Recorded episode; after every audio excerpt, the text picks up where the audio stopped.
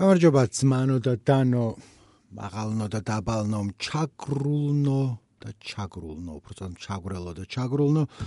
მოგესალმებით ნიკო ნერგაძე ყოველკვირეული პოდკასტით. რომლის სახელიც ესოდენ თავდაპირველად არის ნიკოს პოდკასტი დღევანდელ თემაზე გადავალ 2-2 წუთში ან სათაურში წაიკითხეთ რაზეც არის სიმღერები ბარიკადებზე მოსასმენად აა მაგრამ მცირედი განცხადებები, რა ვიცი, თუ გაინტერესებთ არ ერთ ადამიანს უკითხავს ჩემთვის, რომ იმ დროს ნინიკო ყავდა სტუმრად სტენდაპზე ვილაპარაკეთ, რომ ნიკო როცა დაიწყება, ხო გვაცნობებო ესე მეუბნება ხოლმე ხალხი, რომელიც არ არავის არ უთქვამს არაფერი მსგავსი.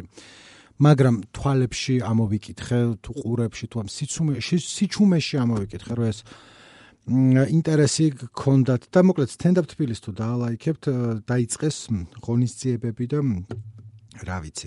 ეხლა იყო პარასკევს პარასკევი არა, პარასკევი დღეს არის. გუშინ იყო. რომელზეც მეც გახდით, გამოვედი, იმიტომ რომ მთელი ცხოვრება მინდო რომ სტენდაპზე გამოვსულიყავი. კარგი იყო? არა. ცუდი იყო, ან სამარცხვინო არ ყოფილა რა, ხო? არა, ბევრი ისა მაქვს.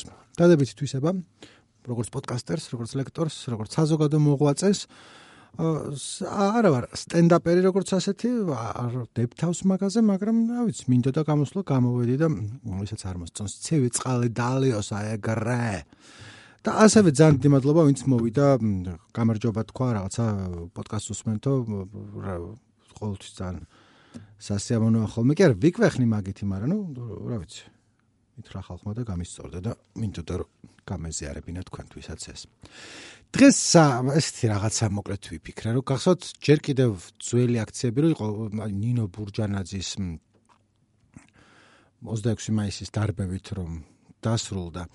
მაშინ ხალხი რო იკრიბებოდა ქუჩაში სქონდ ხოლმე ჩართული სულ ბელაჩაო. და ვფიქრობდი რომ არ არის ბელაჩაო საბრძოლო სიმღერა, ნუ გასაგებია რომ არის და ისტორია აქვს და ყველანაირი ყველაფერი, მაგრამ ну რო უსმენ ბელაჩაუს არ არ გინდება რომ აა ხო იდა და რაღაცა ეს გააკეთო საერთოდ არა თუ რაღაც კესერა სერა რაც უამრავი სიმღერა რომელსაც ისტორიული დატვირთვა აქვს და თავის დროზე არაერთი ადამიანი შეუძრავს და რაღაცა, მაგრამ არ არის ეგ ჩემი აზრით ბარიკადების საუნდტრეკი. ხო და მე რაღაც მაგაზე ვფიქრობდი და რამდენიმე სიმღერა ჩამოვყარე, რომელიც შექმნიდა ასე თქვა რევოლუციური განწყობის ჩონჩხს. აა და ხო, არ ვიცი. ნახეთ თუ არა ალეკოლის საშულზე кайფობდა ხალხი, როცა ყვებოდა, რომ ძილის წინო წარმომიდგენია, რომ დეშეკათი, არ ვიცი დეშეკა რა არის, მაგრამ და და და და რაღაცა ეგეთი. აა ეს არის. იარაღია მომხდურს ხოცაო და ხანდახან მეც ვარ ხოლმე ანუ არ არა დეშეკა არ მეჭერს არის დეშეკა რა არის მაგრამ ხო ეს წარმოვიდგენ რაღაც დგახარ ესე ბარიკადებზე და იბრძვი. ჩემ წარმოდგენებში არ არის კონკრეტული ისტორიული მოვლენა არ თამაშდება ხოლმე არც რაღაც კონკრეტული მომავლის მოვლენა უფრო რაღაც young adult რომანები რო არის ხოლმე ხო იცით? ანუ ეხა აღარ არის ესეთი პოპულარული მაგრამ დისტოპიური მომავალი რო არის და ცოტა ფეხსეთ გები და რამდენი იყო ეგეთი შიმშილის თამაშები და ლაბირინთში მორბენალი და კიდე რაღაც ფილმი იყო რომელიც ნანახი მაქვს.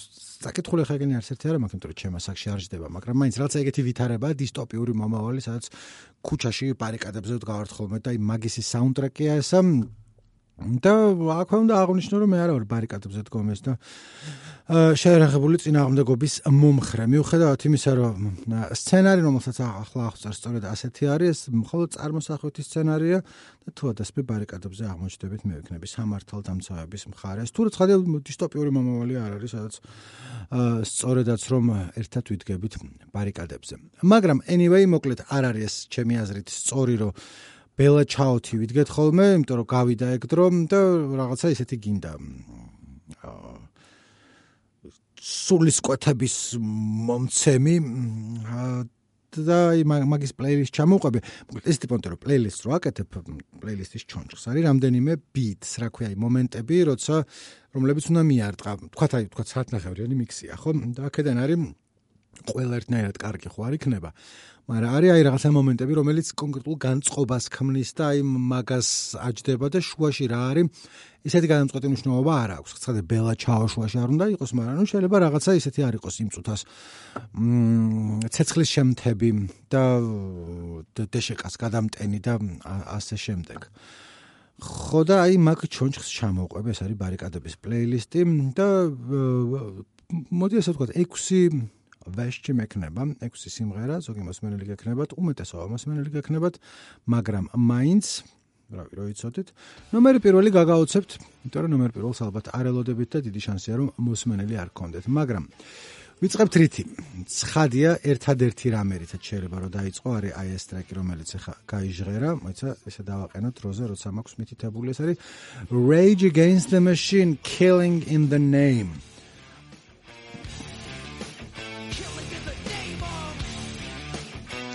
არაფერს სხვას ესეთ ხოთზე არ მოყავხარ, იმიტომ რომ ჯერტი უბრალოდ თუნდაც რეფრენი რომელთანაც ახლა მივართ. Fuck you i want to what you tell me. აი მაგეთი იწება ყველანაირი წინააღმდეგობა იმიტომ რომ არა ის რომ რაღაცას ეხავ შვებით არამედ ეხლა რაღაცას არ შვებით და სახალდობრი მას არ შვებით რომ არ გიჯერებთ არ გიჯერებთ რასაც მეუბნებით ყუილი არ გავიხედავ ჯერ მარჯვნივ და მე მარცხნივ ქუჩაზე გადასვლისას. ეს რაღაც YouTube-ის კომენტარები იყო ამის ქვეშ ხუმრობები და მაგას მივიყევი ერთი ხუმრობა იყო რომ არ მოუკიდებ დედას ხელს როცა გადავდივარ ქუჩაზე. არ დავღეჭავ კარგად საჭმელს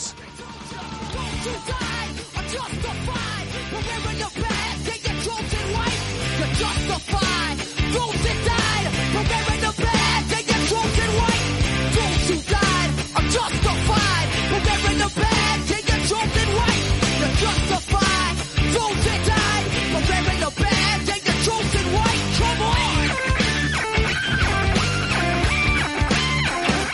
ცხოვრობ არაფერი არ არსებობს, რითაც უნდა დაიწყოს ეს არეულობა, რითაც ქაოსი უნდა დაიწყოს, რასაც გახარდა.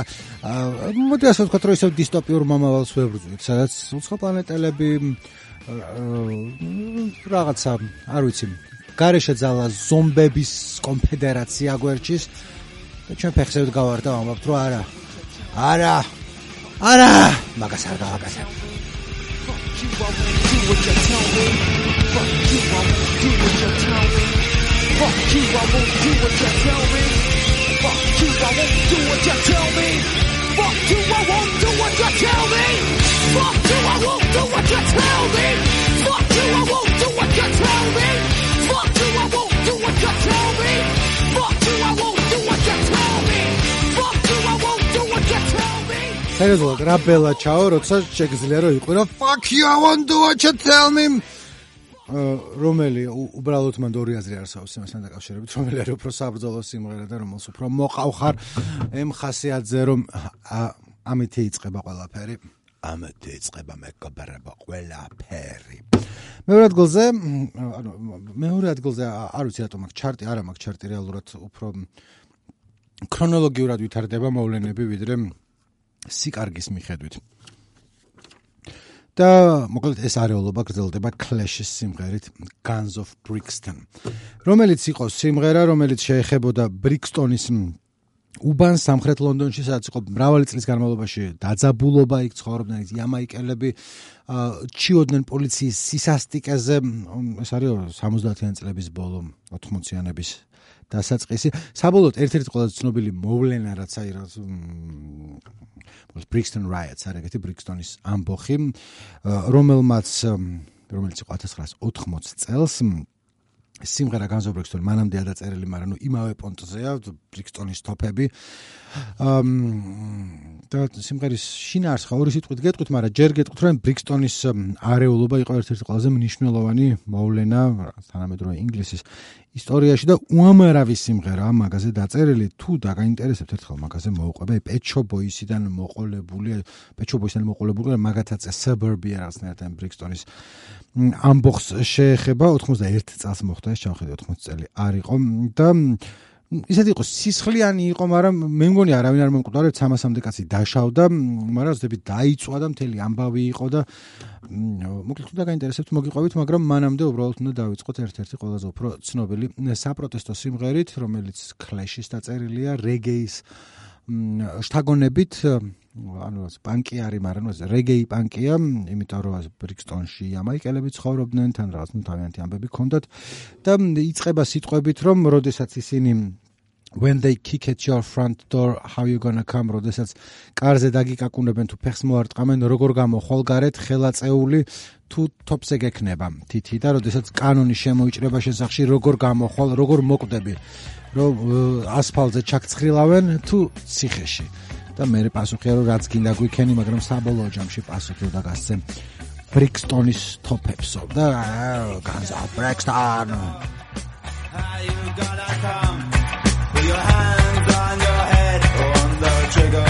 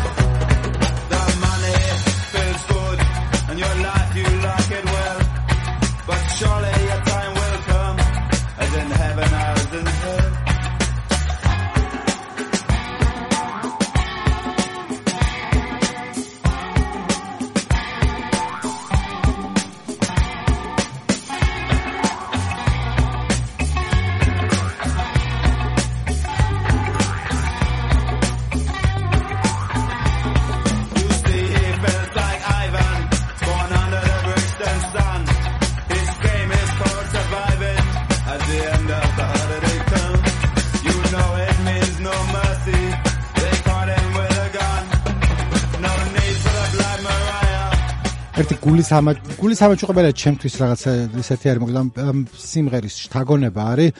მე მგონი იამაიკური ფილმია Harder They Come სადაც ჯიმი კლიფი თამაშობს რეგეის ლეგენდა ვიღაც ტიპს რომელსაც თქვა აივენჰო მარტინი. ფილმი არ მინახავს მე, თორემ მაგრამ საუნდტრეკი მაქვს მოსმენილი, სახში გქონდა ფირფიტა, არ ვიცი რატომ. და ტექსტში არის რომ რაღაცა ვიღაცა you feel like Ivan რომელიც გვდება და ეს Ivan იგულისხმება რომ ეს აივენჰო მარტინია და ნუ მოკლედ რა. და შემდეგ ჯიმი კლიფს რომელიც ამ აივანს თამაშობს აქვს ამ სიმღერის ქავერი ჩაწერილი. კაი ხნის მერაც 2000 წლების დასაწყისში თუ არ ვწდები, რაც მოსწრე შეიკრა არის რომ კლეშში დაგონებული იქნა ჯიმი კლიფით და მე ჯიმი კლიფმა სწორედ იმ სიმღერის კავერი გააკეთა რომელიც ამ შთაგონებას ასახავდა და ესეთია რა კაი ამბავია შეიძლება ბავშვებს არ მოუყვეძილის წინ მაგრამ მე თვითონ ყმაყოფილი ვარ იმით რომ ეს მოყე აგდელებ დენს ჰოლის რეგეის და იამაიკორი გავლენის თემატიკას ჩვენ შემდეგი მე ამბოხე არის სტეფლონდონი კალბატონი რომელიც სწორედ ამაიკორი წარმოშობის არის თუმცა კი ბრიტანელი გახლავთ. და შეიძლება იფიქროთ რომ ნიკო ეს არის კოტირებით მოხვედრილი კალბატონი კალებზე კალბატონებს არ ამბობ ხოლმე უბრალოდ ხუმრობით ამბობ. და ნაწილობრივ ანუ რაღაც მომენტში დავფიქრდი რომ კალის სიმღერაც უნდა იყოს 6-დან 1 მაინც მეთქი იმიტომ რომ აა მგონია რომ ეგრე არის სწორი, მაგრამ დია 6 კაცის სიმღერა ხო შეიძლება თუ არაფერი არ გაგახსენდა, მაგრამ თუ დაფიქრდი და გაგახსენდა და მოიტანა, ხო ამ სიმღერას მოაქვს. ეს არის Steph London-ის 16 Shots სიმღერა, რომელიც ძალიან მოულოდნელად გახდა ცნობილი, რაღაცნაირი იაპონური არის თუ არ ვწდები, ანუ J-pop-ი თუ შეიძლება K-pop-ის წარმომადგენლები არიან, კი არა, უფრო ყველა აზიელი ერთმანეთს გავს, მაგრამ ნუ არ მახსოვს რომელი პოპია, K-pop-ია თუ J-pop-ია, Blackpink-ი. მე მგონი იაპონელები არიან მაინც რომლებმაც დადგეს ცეკვა აი ამ სიმღერას მეხედვით და ნუ მაგითი გახდა რაც მიმი იყო TikTok-ზე თუ რაღაც ეგეთი ამბავი, მაგრამ მაგიცა მიღმა. არ ერთ-ერთი ყველაზე უფრო ესეთი საბრძოლო სიმღერა, რაც ხო იცი ცოტა რომ მოგინდება, რომ ეს სიმღერის შინაარსი არის რომ დედა ჩემზე ვინც უც სიტყვის ცოტა ბერას სიმღერას გავს, მაგრამ ვინც შეეცდება რომ დაიჩემს ატკინოსო, მოდი ასე ვთქვათ, გული კი არა, არამედ ხელით რო შეეხოსო, ასე რომ ბერაზე უფრო ესეთია შორს წასულია სტეფ ლონდონი, მეო გამოვალო და იქ რაც მოხდებაო, მე ნახავთო და აა მე მგონი მოაქვს რა, სიმღერას მოაქვს აგრესია, მოაქვს ის რომ შეგვილანძღენ რაღაცები შეგვილანძღენ და ამიტომ ჩვენ აქ გავარდა 16 shots ტახა ტახა ტახა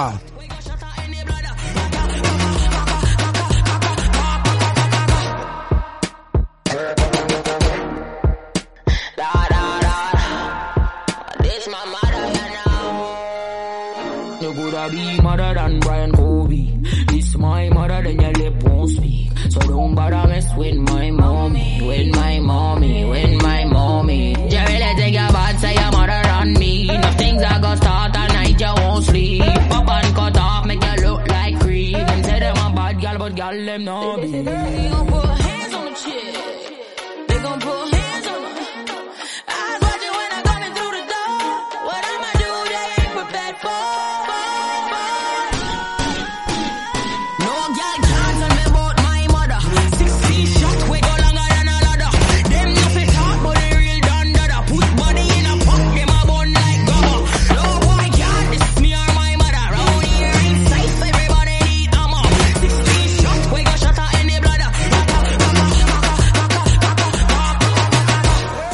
არა გენაცვალე ლამის სტუდია დავამსხური ახლა ექსტენშენს დაბალაკატაკაბაკა ნაგამან ნაგანანაგა ზეთია საბრძოლო სიმღერა და გამოგადგება ადამიანს ბარიკადებზე. შემდეგ სიმღერაზე არ დამცინოთ იმიტომ რომ შემდეგი სიმღერა არის ამერიკული power metal ბენდი Manowar, რომელსაც ერთი კასტა მქონდა ბავშვობაში და იმას უსმენდა. იქიდან არის ეს სიმღერა, იმიტომ რომ ჩემთვის ასოცირდება საბრძოლო განწყობასთან და ბავშვობიდან მაქვს რომ შეიძლება ბარიკადებზე დგომა არ იყო როგორც ასეთი, მაგრამ ნუ ხმლით ხელში ბრძოლა არა მაინდა მაინც თქვა შუა საუკუნეებში, არამედ რაც ეხლა რომ Manowar თუ არიცით არის აუჩო Manowar არის სასაცილო ჯგუფი, მხრივ რომ ეხლა რაღაცებს ეს სიმღერები რო ჩამოწერეთ ან ზოგადად გადავხედე რომ ვიზე რა წერია და მე ნორის ფოტო ვნახე რომელიც Facebook-ზე მაქვს გაზიარებული იქ ორი ჩანს მეტნი არიან მაგრამ რაღაცნაირი ბოდიბილდერა ტიპები ანუ power metal-ია მეტალისტები არიან.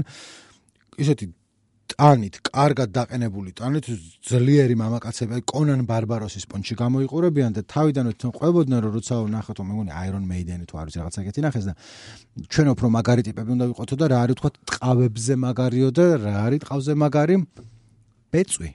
და ამიტომაც ტიპი დგას გიტარისტი ტიტველა და აცვია ბეწვის ბიკინი. ანუ სხვანაირად ვერ აღწერთ ამას რაც არის ანუ ტრუსი კი არის ბეწვის.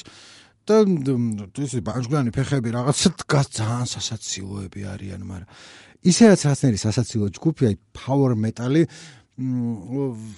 ბევრი ალბომი აქვს, თორემ მე მაქვს ერთი მოსმენელი, რაც მქონდა და რამდენიმე სხვა სიმღერა, მაგრამ ძირითადად არის ხმლების თემაზე და ჯადოქარს რო ხმლიანი ადამიანი ებრძვის აქვს რაღაცა. გინესის რეკორდების წიგში არიან მოხდილი 84 წელს როგორც ყველაზე ხმამაღალი კონცერტი ქონდა ჩატარებული მსოფლიოში რომელიცო შემდეგ ვიკიპედიაში წერია ორჯერ დაფარეს საკუთარი რეკორდიო. ასე რომ ყოჩაღმათ და ასევე მათ ეკუთვნით რეკორდი მსოფლიოში ყველაზე ხანგრძლივი heavy metal კონცერტისა იმიტომ რომ 5 საათის განმავლობაში უკრავდნენ ბულგარეთში 2008 წელს. თვე რომ ნახო არ გამოვრიცხავ რომ 2008 წელზე მაშინ ომი მახსენდება და ძალიან სასაცილო იქნება, სასაცილო ვაფშე არ იქნება, მაგრამ ძალიან სასაცილო იქნება რომ აგვისტოს ომის დროს შეესრულებინათ ეს 5 საათიანი კონცერტი. უბრალოდ რომ აკროცა ომია და იქ მენოვარი ბულგარეთში 5 5 საათს რამ დააკრავინათ. თან კარგად ყვირიან რაღაცებს უკრავენ. ეს სიმღერა, სიმღერას ქვია Power of Thy Sword და არის ალბომიდან Triumph of Steel. Steel როგორ არის, ლითონიკი არა და რა ქვია Polaris ტრიუმფი. რომელიც როგორც ჩანს თავიდან და ყოფილიყო ეს კონცეპტ ალბომი, თორე პირველი სიმღერა არის, სიმღერა არის კომპოზიცია არის 25 წუთიანია აქილევსის სიკვდილზე. რვა ნაწილად არის და ეს სიმღერაც ახლა რასაც უშვებ 7 წუთიანი, რომელსაც ხადია 7 წუთს არ შეგმოხთავაზებთ შუიდან იმას ვიზამ როცა როცა მოიცახ სტეფლონდონი მაგ ჩართული გადავახვეო ხა არ არ დამიწყოთ ხა რაღაცეები არ დამიწყოთ კაკანი. დამილია შამპანი. მოდი აქ ახარ ხო. ეს არის მოკლედ ნახევარ სიმღერა გასულია უკვე ხმაურიანი ნაწილები იყო და ცოტა ხანი სიჩუმეს უფევს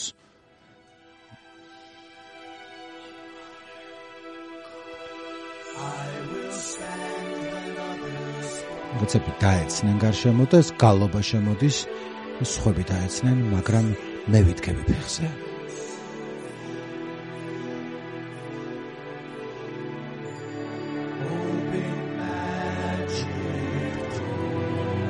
გახსენე ჩათოსნული კარები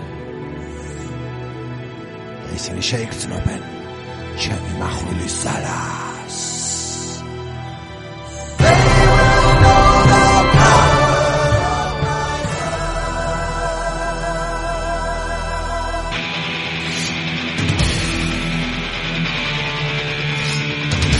როგორია საბძოლო განწყობისთვის ხმლები რო ამოდის შხაპან შხაპან წინ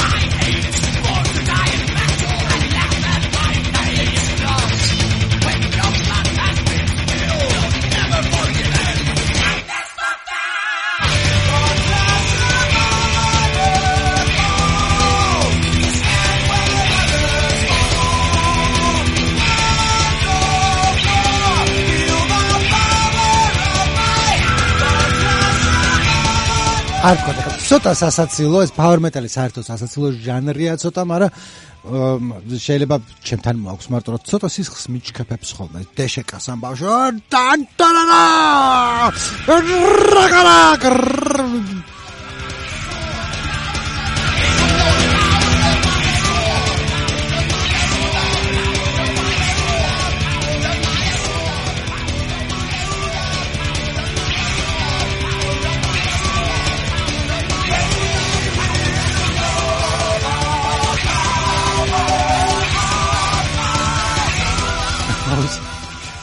აი ხარი ამ სიმღერის გამოყვანას ვაპირებდი, მაგრამ შევყევი, არ ვიცი რა იმას მიშვება, ჩემზე მოქმედებს, რა მიუხედავად იმისა, რომ მენოორზე მეცინება როგორც ბენდზე, მათ გარეგნობაზე, თემატიკაზე, რა מחვილის ძალა და ჯადოქრობა და რაღაცა, მაგრამ მაგის მიღმა როცა გადაფხეკ ირონიის ზედაპირს შიგნიდან მაინც, ხო იცი, რჩებით ის. 19-19 წლის ბიჭები, რომლებიც ხმლით ხელში ოცნებობენ ბრძოლას, ბრძოლა!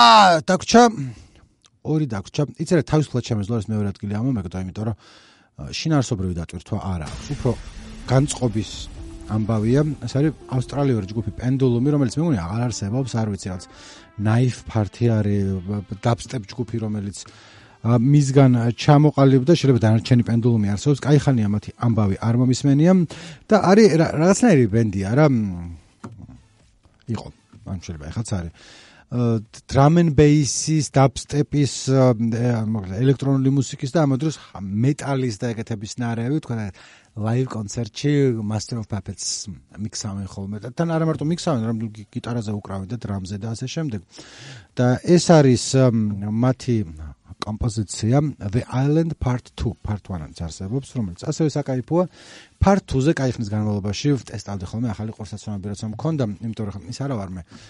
რა ქვია, აუდიოფილი რო ზუსტად ვარკვევდე რო იქ sound separation როგორია და bright is not too bright თუ რაცა მადი და ასე. შემდეგ მთელი ყურსაცნობების ფორუმებზე თუ ხართ ნამყოფები ეგრევე ის დაგემართებათ. არასრულ ფასონების კომპლექსი მაგრამ ამ ტრეკს თავდი ხოლმე რომ უბრალოდ იმიტომ რომ ამით ეკვდა ფეხები და ამით ეკვდაზე არა უფრო მომაწვა თუ არა მოდი სხვა ბარიკადების ენერგია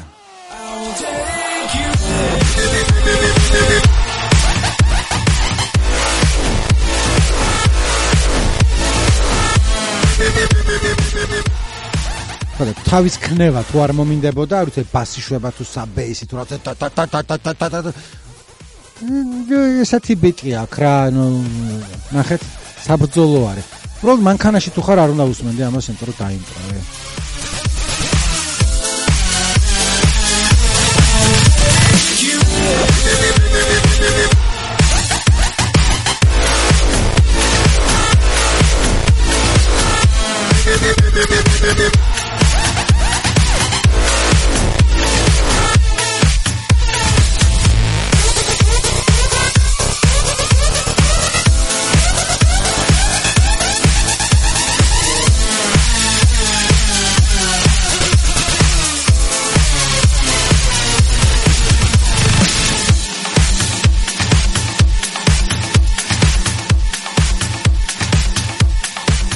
თავიდან ბოლომდე რომ გამეშვა, ესენი აქვს რა ტალღობრივად მოდის ეს ტრეკი.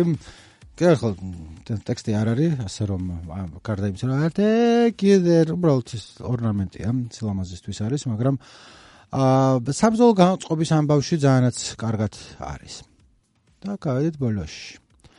ბოლოში პირველ ადგილზე ყავს რო გითხარით რომ გაგაოცებთ მეთქი პირველ ადგილზე ვინ იქნება, შეიძლება არ გაოცდეთ, მაგრამ Immortal Technique არის ასეთი ჰიპ-ჰოპ არტისტი underground-ში. ცნობილი, შეიძლება მოსმენილი გაქვთ, ერთი underground hip-hop კლასიკა არის მისი ტრეკი Dance with the Devil, სადაც არის სემპლად არის აღებული რა ქვია იმას love stories და na na na na na na na na na na na na na na na na ხო მანდან ვიცოდი და მან რეპავს ტრაგიკულ ისტორიას ახალგაზრდაზე რომელიც რომელსაც უნდა და რომ ბევრი ფული ქონოდა რომელსაც უნდა და რომ ჩაწერილიყო ძველ ბიჭებში და მე გამოცდა მოუწყეს სხვა ძველმა ბიჭებმა, ნუ ძველმა ბიჭებმა რა არა ძველ ბიჭებს, მაგრამ ხო ხტებით განგსტერებმა.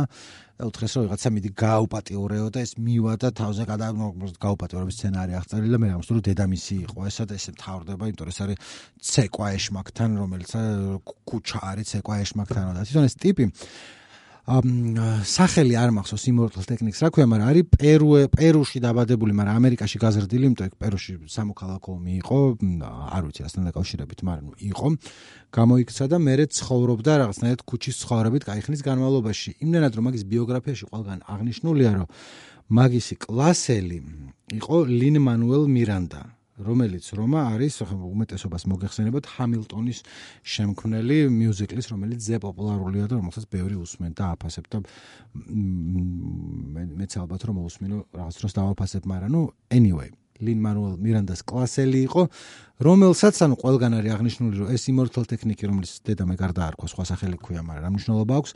აბულინგებდა ჩაგრავდა, თუმცა მე შერიქდნენ. და ეს რაღაცა ქუჩაში ცხოვრობდა, რაღაცებს აშავებდა, რამდენჯერმე დაიჭირეს და მე იხსნა აი ამ ქუჩის კლანჭებიდან თავისმა რელიგიამ. ოღონდ რელიგია იყო არა რელიგია, რელიგია, არამედ უკიდურესი მემარცხენეობა.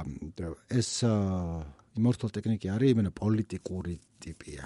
უბრალოდ ჰიპ-ჰოპერი კი არ არის, არის არ ვიცი კომუნისტი ქვია თუ რაღაც ანარქოსოციალისტი თუ ზუსტად რას სახელს არქმევს თავისას, მაგრამ ნუ ძალიან ჩართულია ამ ამბავში რევოლუციის მოხდენაში და უამრავი სიმღერა აქვს სწორედ აი ამ ასე რა როგორ უნდა იბრძოლო და ეხლა ამ სიმღერების უმეტესობა კლეშიც და რეიჯებიც და ესეც და ეხლა მე ნოვორს არ აქვს პოლიტიკური აფილიაცია ალბათ, მაგრამ ბარიკადების სიმღერების უმეტესობა არის თი მემარცხენე კუთხიდან ჩაწერილი, იმიტომ რომ პრინციპში სხვა რა იქნება, ხო? ეხლა ნაცისტურ სიმღერებს ხო არ გავუშვებდით ერთი და მეორე, ან შენი კონსერვატიულს რომ მოდით არ ჩასის და ყველაფერი როგორც არის, არ არ იმას შვება.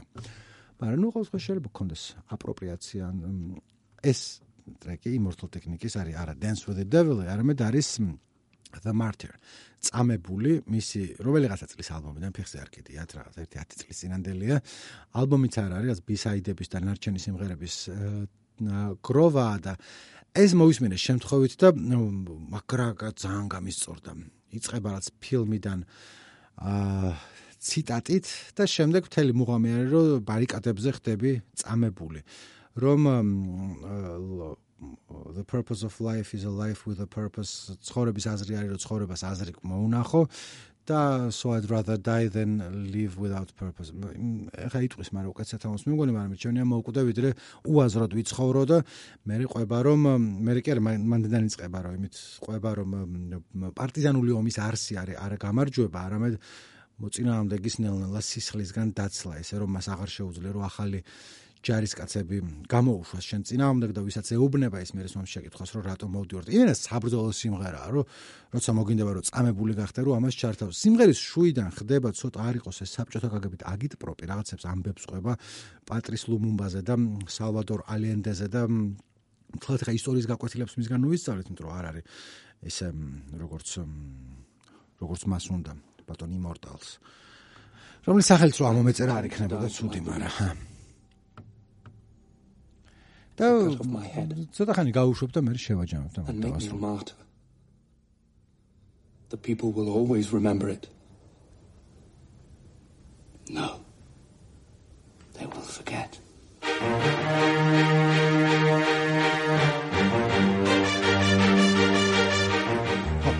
სემპლების აღებაში სერიოზულ გოიმობას აქვს ადგილი, მაინდამაინც ელეონორ რიგბის რო არ მიახდე, მაგრამ უხდება.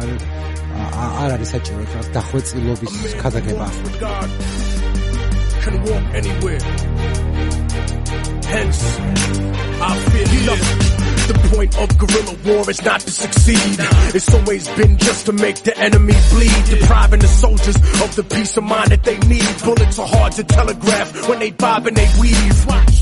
The only way a guerrilla war can never be over is when the occupation can't afford more soldiers until they have to draft the last of you into the service and you refuse cause you don't see the purpose. The only way to counter the insurgents that are well equipped is to paint the people fighting for freedom as terrorists. Then find a faction looking for foreign investment, install them in power and murder any objections.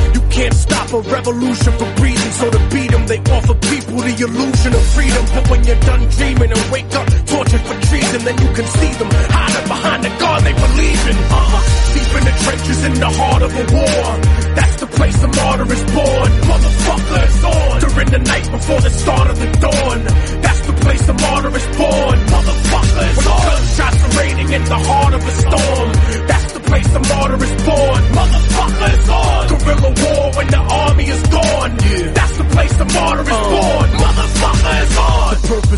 life is a life with a purpose. So I'd rather die for a cause than live a life that is worthless. I don't need the circus or the day of national observance. I need you to think for you and stop being a servant. Pawns only move a square in the game that they're used in and realize it too late. Like the shooting of Huey Newton or Patrice Lumumba and Salvador Allende.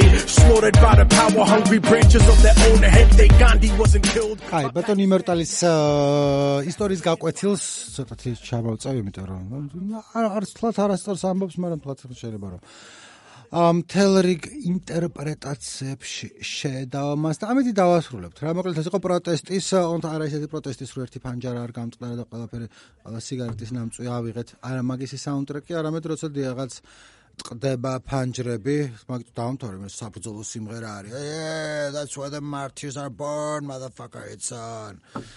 აა მე მგონია რომ და დავიცალეთ აი რაღაცა ენერგიიდან ამ რევოლუციური ენერგიიდან რომელიც ხანდახან ეს თქვა წარმოსახვაში გაქვს ხოლმე. დისტოპიური მომავლის წინა აღმდეგ როდესაც გახარ მაღლა და იწება რამ რამ ხალა რამ ხალა თავგადასავალი გავიარეთ ხო? დავიწყეთ სიტყვებით. წადი შენი. არ გავაკეთებ იმას რასაც მიბრძანებ არ გავაკეთებ იმას, რასაც მიბრძანებ. ეს ვინმე შექნება რაღაცა ჩიპმანკების რემიქსები რა.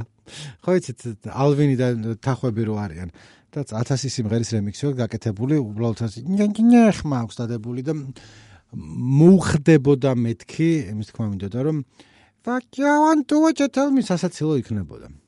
ეს არის ჩემი აზრი. თუ თქვენ გაქვთ სიმღერა რომელიც თქვენში პატებს ბრძოლა, ბრძოლის სურვილს გაზეთ კომენტარებში.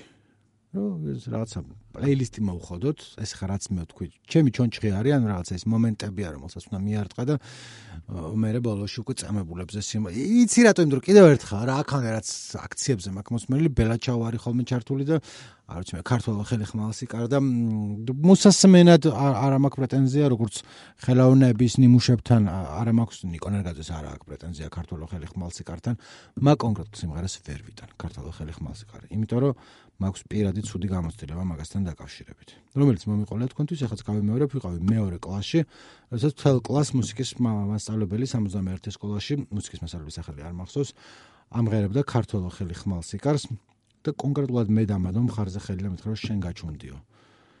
და მაშინ მე გავჩუნდი, იმიტომ რომ ვიცოდი რომ საშილად მღერი, რაღაც არ მაქვს ნიჭი და მას მერე მაწუხებს რომ დანარჩენი მეორე კლასელები იობანი კარგად მღეროდნენ.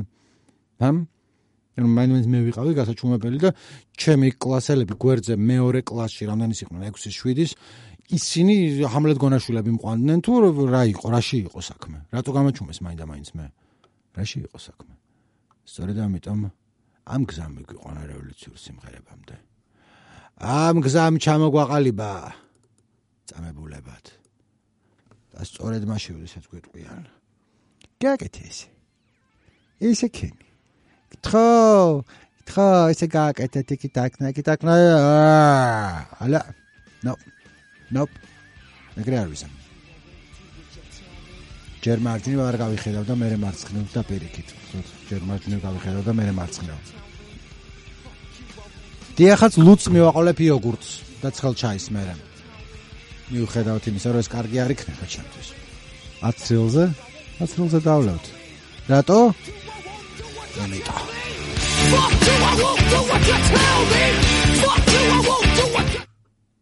აი, რა და მიკროფონი გამეთიშა და გავთიშა ეს მუსიკა. ეთყობა ეთყობა იყო ჩვენი ბედი. აბა, კარგად იყავით.